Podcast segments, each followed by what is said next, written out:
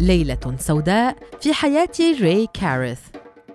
ري كارث المولود في 20 يناير 1974 هو لاعب سابق في كرة القدم الأمريكية وقاتل مدان.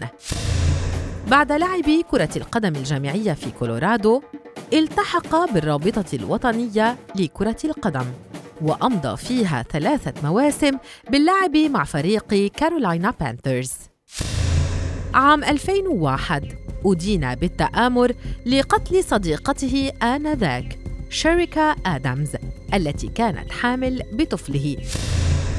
آدم التي كانت حامل بطفله وفي شهرها الثامن توفيت بعد شهر من إطلاق النار عليها أربع مرات من سيارة مسرعة وهي خطة كان قد خطط لها كارث مع صديقه عام 1999 ونجا طفلهما بعد عملية قيصرية طارئة ولكنه ولد بتلف دائم في الدماغ وشلل دماغي بسبب إطلاق النار.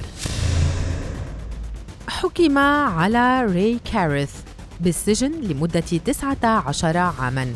وخرج في الثاني والعشرين من أكتوبر عام 2013 لم يتحدث مع المراسلين أثناء خروجه وقال لشبكة دبليو بي تي في أنه خاطب والدة آدمز برسالة تتخطى الخمسة عشر صفحة.